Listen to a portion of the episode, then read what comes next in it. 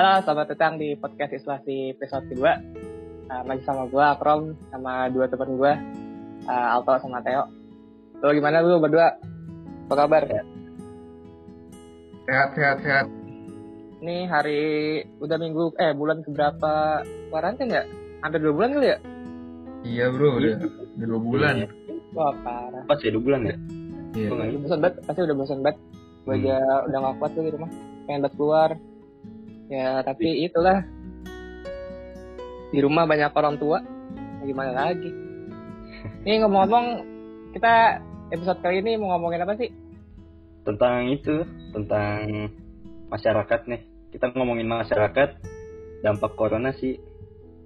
Lebih ke arah Oh, coronanya. Berat juga di omongannya. Hmm, ya lumayan. Tapi menurut lo ya, menurut lo berdua nih, kira-kira dampak masyarakat tuh emang benar-benar signifikan Di- lebih signifikan dari pemerintah? Apa enggak sih? Apa pemerintah yang berperan signifikan dalam penjaga eh penyebaran corona ini? Menurut lo gimana? Kalau dari gua sih ya, gua sebagai masyarakat yang tinggal di dalam masyarakat juga, menurut gua tuh pemerintah sama masyarakat itu posisinya seimbang, bro.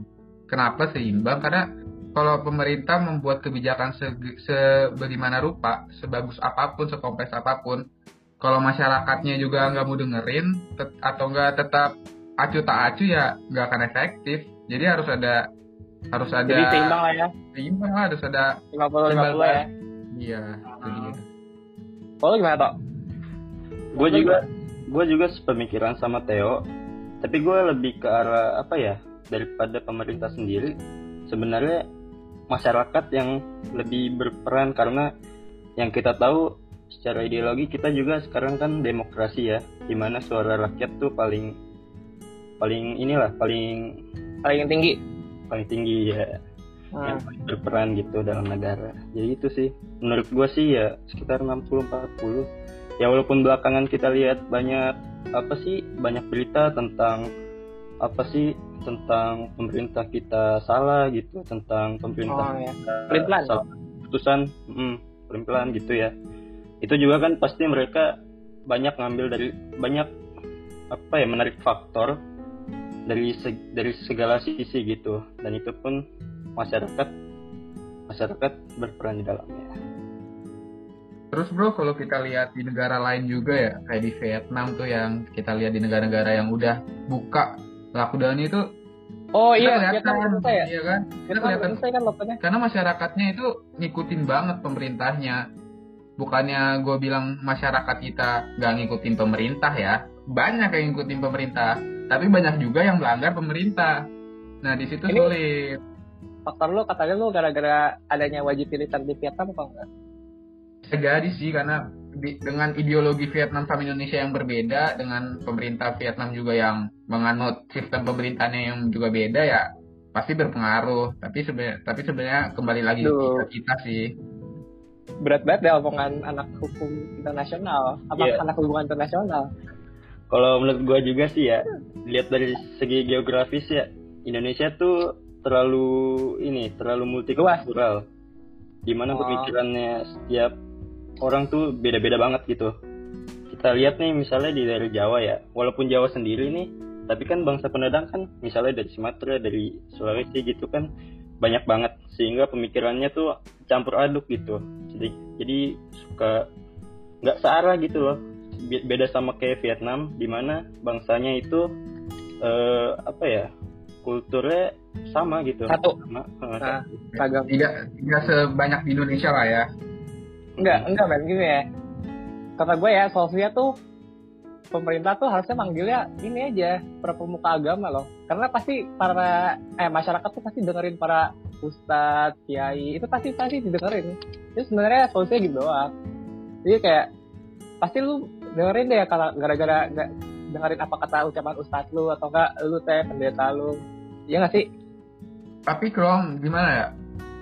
Kalau yang kita lihat waktu itu yang kayak MUI ya salah satu salah satu pengemuka salah satu organisasi pemuka agama ter- terbesar di Indonesia ya yang sudah Ah. ngeluarin fatwa haram mudik. Tapi masih banyak orang yang mudik kan jadi kayak susah. Jadi ini tuh kayak ini ini sesuatu yang kom- kompleks yang susah ditangani karena pola pikir masyarakat dan kepentingan masyarakat itu berbeda-beda Oh, siap. Iya benar.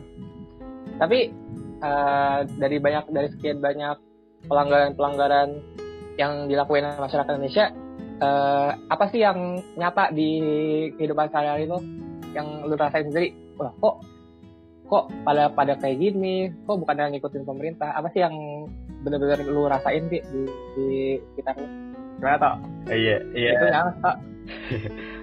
Eh, contohnya sih ya kayak misalnya gua nggak melihat perbedaan gitu di dekat rumah gua di depan pasar terutama tuh kalau sore kan biasanya rame terus ya Nah, Ah, itu dua bulan terakhir gua walaupun Tetep rame. keluar gitu misalnya seminggu sekali buat keperluan ya gue lihat tetap aja rame gitu ada orang ngumpul ya Apa- iya, apalagi sekarang ini ya bulan Ramadan gitu pasti banyak yang jualan takjil gitu nggak sih? Iya bener. Depan rumah gua tuh ya, ru- rumah gua tuh depan gua kan apa sih jalan raya. Ah, Itu setiap iya, iya, tahun betul. biasanya kan ya. Tapi ya gitu, tetap aja ramai walaupun walaupun ini, Ada anjuran pemerintah. mm, walaupun Tapi PSBB. tapi pada pakai masker gitu kan? Ya gue lihat sih ya pakai sih pakai. Tapi kan Be- masker juga tuh sebenarnya masker itu kan fungsinya untuk menghalangi tangan kita agar Biar tidak bawah mulut. kan ya bukan berarti dengan lu pakai masker tapi ngumpul rame-rame lu aman gitu enggak gitu kan Nah, sih iya iya sama. Gue juga di dekat rumah gue masih aja ada yang rame-rame beli takjil. Cuman bedanya mereka beli takjil pakai masker udah gitu doang. Gak ada bedanya. Cuma bedanya Iya, cuma pakai masker doang. Lalu gimana, Teh? Di dekat rumah Kalau- gimana? Kalau di dekat rumah gue sih udah mulai udah mulai udah mulai tertib lah ya dari April ya dari April dari pas udah mulai banyak nih kasus corona nih. Kalau yang gue lihat nih dari kalau dari masyarakat kita ini kayak pas kita lihat Maret awal-awal tuh kan baru mulai tuh ya pertama kali Ah. masuk ke Indonesia Ya. terutama di Depok ya orang masih banyak anggap remeh Krom. Padahal Oh iya, Padahal eh, pemerintah udah mulai anjurkan keluar eh, apa namanya kurangi bersentuhan dengan orang lain, social distancing dan Padahal- lain-lain kan langsung, langsung menanggapi kan pemerintah. Tapi orang masih banyak anggap remeh, nah itu dia. Masih banyak yang nongkrong-nongkrong, masih banyak yang macem-macem, bahkan sampai Mei- Maret akhir tuh udah mulai ditetapin, mulai ketat-ketatnya itu masih banyak yang nongkrong sehingga polisi malam-malam harus nge-sweeping orang-orang yang nongkrong kan. oh iya iya iya. iya. Nah, nah di, di hal-hal kayak gitu loh, maksud gua gimana ya?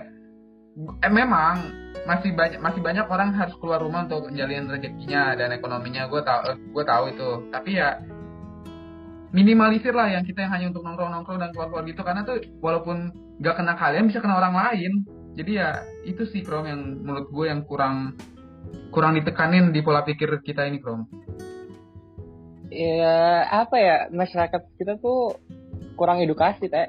Apa ya yang teredukasi tuh bener-bener yang orang-orang yang melek teknologi kayak lu tahu nih bahayanya apa apa lu udah ngeliat nih di luar negeri eh, dampaknya kayak gimana sampai berapa ratus ribu orang meninggal. Nah tapi mereka tuh yang mereka-mereka ini yang masih nongkrong masih keluar-keluar padahal nggak penting mereka tuh nggak nggak apa ya nggak ada bukti nyatanya kalau orang-orang di sekitar mereka tuh ada yang meninggal gitu. Jadi kayak emang harus ada yang meninggal dulu deh baru mereka bakal berhenti nggak tahu sih. Kalau gimana toh Iya, setuju sih gue mungkin masyarakat kita karena virus ini kayak penyakit yang gak kelihatan ya bisa dibilang. Orang tuh masih iya. orang nggak nggak nggak peduli gitu. Ayolah santai gitu. Kayak gitu sih. Iya virus doang ya. Ini batuk-batuk doang ya. Iya ya elah virus doang doang Tapi ya bisa kita lihat juga sih Krom. Oh ini juga semua bukan salah masyarakat. Memang pemerintah memang ada salahnya sih ya. Siapa sih nggak punya salah di pemerintahan ini? Tapi ya kita bisa lihat kayak fasilitas kesehatan kita yang kurang banget kan. Yang kita tuh kayak Iya. yang awal-awal masuk ini kayak langsung kewalahan lah ngadepin banyaknya virus ini terus dengan banyaknya komunikasi dari kita lihat pejabat-pejabat pemerintah kita yang nggak sinkron ya tentu aja kan itu Ah, nurunin iya. nurunin rasa percaya diri kita sebagai masyarakat. iya kepercayaan iya. Iya kan, jadi ya sebenarnya dari kalau dari sisi pemerintah yang gue lihat ya, yang gue lihat dari baca berita dan lain-lain ya, karena kurangnya koordinasi sih sama kurangnya kesiapan. Kalau lu gimana tau menurut lu? ya gimana ya ya gitu sih gue gak bisa udah udah udah mau- speechless lah kalau Iya, ngomong iya. pemerintah nggak bisa Iya. berharap banyak juga sama pemerintah. Maksudnya kita juga jangan naruh harapan besar ke pemerintah. Karena kan eh, negara kita kan juga paling banyak kan diisi sama masyarakatnya. Jadi ya seenggaknya kita harus bantu pemerintah lah. Pasti pemerintah juga udah usaha maksimal. Tapi siapa yang bakal bisa siap sih ngadepin virus ini kan emang ini pandemi nggak kita kira. Maksudnya nggak ada negara yang udah siap Nah, iya itu Bro. kita Nggak ada kan negara yang siap. Negara iya paling, iya paling sehat, paling mempunyai alat kesehatan terbaik di dunia pun contohnya Amerika Serikat, Inggris. iya iya Sekarang mereka yang menjadi pusat epicentrum virus corona. Jadi nggak ada negara Anjir, nggak gitu. ya, ya, ya, berdasarkan gua te- yang bisa kita kasih tadi emang nggak ada negara yang siap. Jadi walaupun misalnya kayak tadi, kayak tadi gue bilang pemerintah pemerintah ada kurangnya dan masyarakat ada kurangnya. Jadi itu gue berusaha kayak nggak mengkritik satu orang doang. Gue tuh kayak menjadi masyarakat tapi juga mengkritik pemerintah. Jadi kita tuh harus karena harus berpikir dari perspektif yang berbeda-beda biar nggak sempit kita. iya iya benar.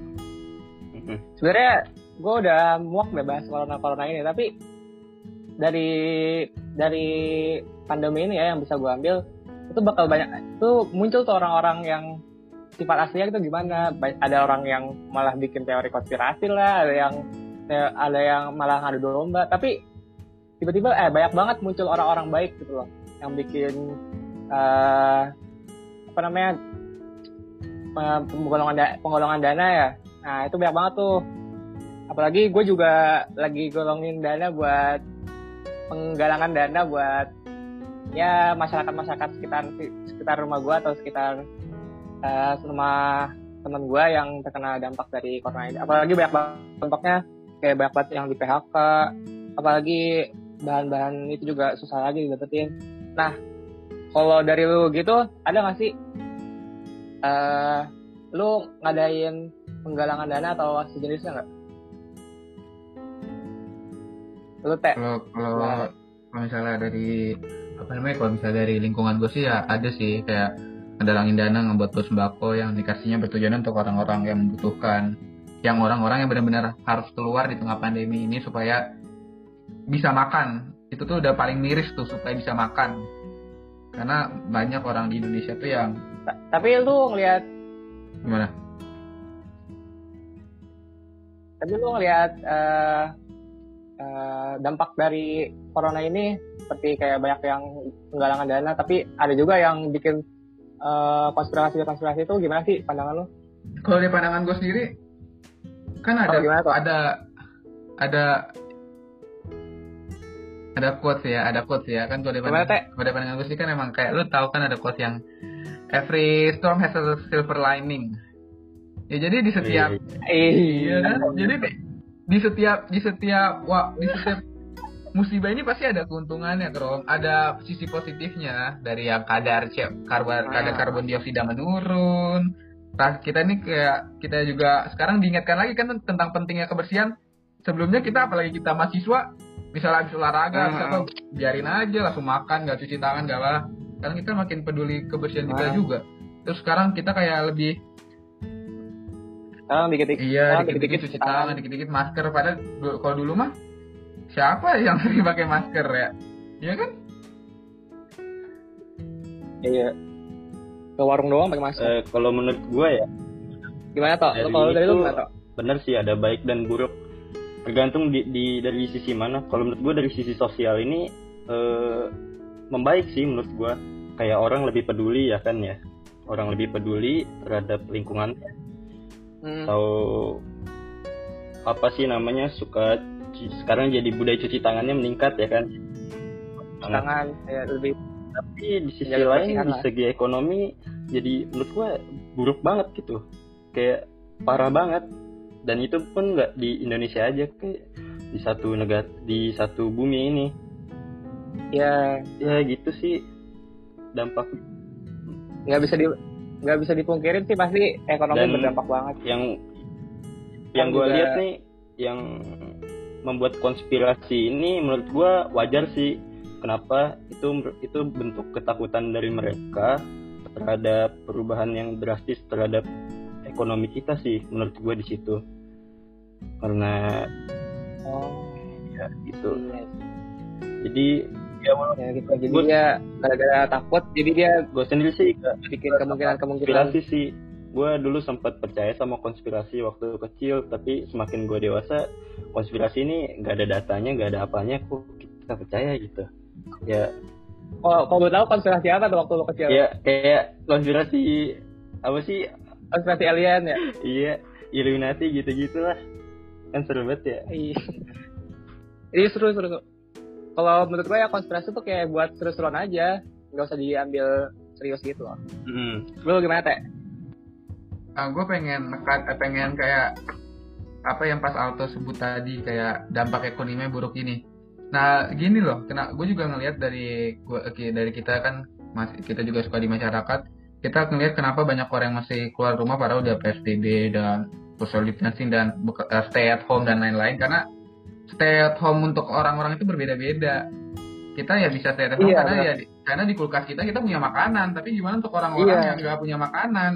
Nah itu kenapa masih banyak orang yang keluar. Nah itu gue ngeliatnya jadi kayak orang keluar menurut gue tuh nggak masalah Kak. Tapi kalau misalnya emang itu tuh hal yang emang harus dibutuhkan untuk mereka ya. keluar ya. Dan kalau gue lihat sekarang juga di Indonesia, di masyarakat Indonesia ya sekarang udah mulai ya masyarakat udah udah dari Maret udah dari April awal malah Ma- masyarakat yang gue tuh emang, emang emang butuh urgent. Tapi kenapa harus kayak gitu dulu pas udah mulai mewabah? Karena di Indonesia itu masih punya pola pikir lebih baik mengobati daripada mencegah kalau menurut gue sih. ah itu tuh itu gue suka gue suka Iya. Masih- Iya, pola pikirnya lebih, ma- masih kayak gitu, makanya sulit. Masih kayak masih masih masih nggak peduli lah Iya, padahal damp- dampaknya itu banyak, bukan ke dia doang, tapi ke orang lain, apalagi ke orang yang membutuhkan. Nah, itu Hmm. sulit tuh. Iya pokoknya Iya. kalau urusan perut nggak bisa diem dah ya. Lu kalau mau lu mau di rumah berapa hari tapi anak istri kelaparan ya gak bisa diem juga di rumah ya. Iya, Harus sama aja. lah. Cari Atau- nasi. Kecuali lu bisa stay at home nih di rumah lu, lu punya makanan baik di kulkas, lu nyaman-nyamannya Oh. ya. Udah lu nyaman stay at home. Ya lu nyetok Alfamart di, di rumah lu. Nyetok Indomaret ya lu bisa di situ aja di rumah lu ya sebulan. iya Gimana? sih Oh, ya kalau gue lihat juga emang yang di luar ini sekitar mungkin ya 80 sampai 70 sampai 80 persen ya masyarakat yang menengah ke bawah gitu. Bukan masyarakat menengah ke atas. Kalau masyarakat menengah ke atas gitu ya pasti di rumah udah siap gitu kan ya. Dan edukasi mereka juga lebih tinggi jadi lebih paham akan bahayanya gitu. Jangan kalau menengah ke bawah selain karena itu selain karena tidak ada makanan di kulkas istilahnya dia mereka juga edukasinya kurang gitu. Dan itu edukasi itu hal yang susah banget sih. Harus apalagi iya di- apalagi susah banget sih edukasi. Apalagi kalau udah kayak misalkan udah umurnya 40 tahun 50 tahun ke atas ya pasti udah kolot banget ya dibilangin. Kayak lu nggak bakal bisa bilangin orang tua buat di rumah aja gitu. Kayak pasti banyak banget lah yang masih keluar keluar gitu susah Iya, banget bilangin orang tua tuh iya. lagi orang tua sendiri Idi. Oh, gitu. Iya. Gak boleh gitu ya. Ada lagi Ya. gak sih yang mau lu bahas tentang masyarakat-masyarakat yang ngeyel ini? Yang belum gue tanyain. Ya, menurut gue sih nggak nge ya sih ngeyel sih, ngeyel sih kalau menurut gue ngeyel. Tapi ngeyelnya itu ngeyelnya itu untuk orang-orang yang menurut gue tuh nggak peduli kalau orang-orang yang peduli kalau orang karena mereka tuh harusnya bisa stay at home tapi mereka pengen keluar dengan alasan nongkrong dan lain-lain. Makanya di Indonesia bisa merebak. Nah itu sih menurut gue kenapa Indonesia bisa merebak. Dari dari jadi dari satu tadi sisi pemerintah yang nggak siap tapi lagi-lagi siapa di, di pemerintah di dunia ini yang siap ya kan? Ah, Terus ditambah lagi masyarakatnya itu yang masih belum peduli. Mikir, Ya. gua gue inget banget Krom pas gua lihat kayak di line di mana kayak ada kayak ada postingan kayak orang ngajak nongkrong terus orangnya satu lagi bilang gak mau ah takut corona. Terus, terus satunya lagi ngomong enggak ah lemah lemah banget tuh nggak mungkin kena. Nah yang kayak gitu tuh. Ya Nah, mungkin lu nggak kena tapi orang lain lu kena. Mungkin imun lu kuat Ah. tapi orang lain gak lu jadi lu jangan egois. Emang orang-orang kayak gitu emang harus dibawa marah langsung ya? ke rumah sakitnya. Gak apa-apa gak apa-apa. Nggak marah nggak marah gak apa-apa gak apa-apa kalau lu gimana toh ada gak sih masih unek-unek lo yang pengen lo sampein buat masyarakat-masyarakat yang ngeyel ini Ya gue sih gak bisa bilang banyak ya. Gue sendiri juga waktu awal-awal apa sih awal-awal corona waktu masih bulan Maret sih.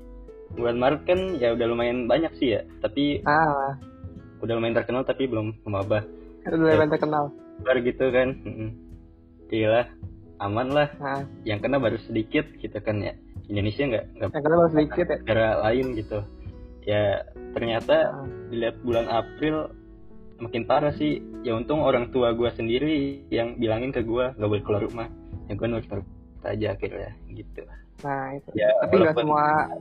kalau gue sendiri sih gue ngeliat orang lain buruk tapi ternyata diri gue sendiri juga perlu perlu itu. Ya ya nggak semua orang tua kayak orang tua Alto kan mesti ngerti kalau ah. corona tuh berbahaya lah buat semuanya. Lu gimana teh? Lagi ya sama sih kayak Akrom ya kita nggak apa-apa lah. Maksudnya nggak apa-apa kita salah ya. Jadi kita jangan diulang lagi kesalahan itu. Kayak gitu aja sih aduh berat banget nih yuk eh, podcast pertama kita episode pertama kita bahasannya udah corona corona gini gimana bahas ke depannya nih? Udah, Karena udah ini, berat banget bahasannya nih. Ini masih karena ini sedang di masa-masa berat Krom. Kita semua pasti bisa harusnya nggak kita beratkan lagi ya. Ya semoga bisa cepat selesai sih karena gila men udah nggak ketemu temen berapa bulan? Terakhir ketemu kapan coba Januari kali ya? Lama. Januari kali ya? Apa Iya. emang kita SBB sampai kapan jadinya? Berpanjang nih PSBB PSBB tuh 19 Mei kalau nggak salah Jawa Barat. Diperpanjang sampai 19 Mei. Pasti kata gue ya kata gue sih diperpanjang lagi. Kalau nggak salah kalau nggak salah. Kalau Kasih buat ya. lu yang dengar kalau buat yang dengar kalau ada yang salah koreksi aja ya.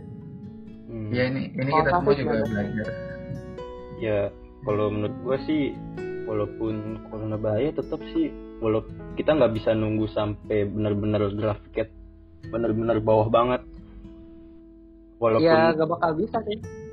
Tinggi dikit gitu ya tetap harusnya udah bisa dibuka gitu karena kita lihat dampaknya aja dampak ekonominya misalnya. Oh, Itu- ya. kerasa banget gitu. Menurut gua gua gua baca baca sih ya pemerintah tuh bakal buka eh, perekonomian lagi tanggal 1 Juni kalau nggak salah.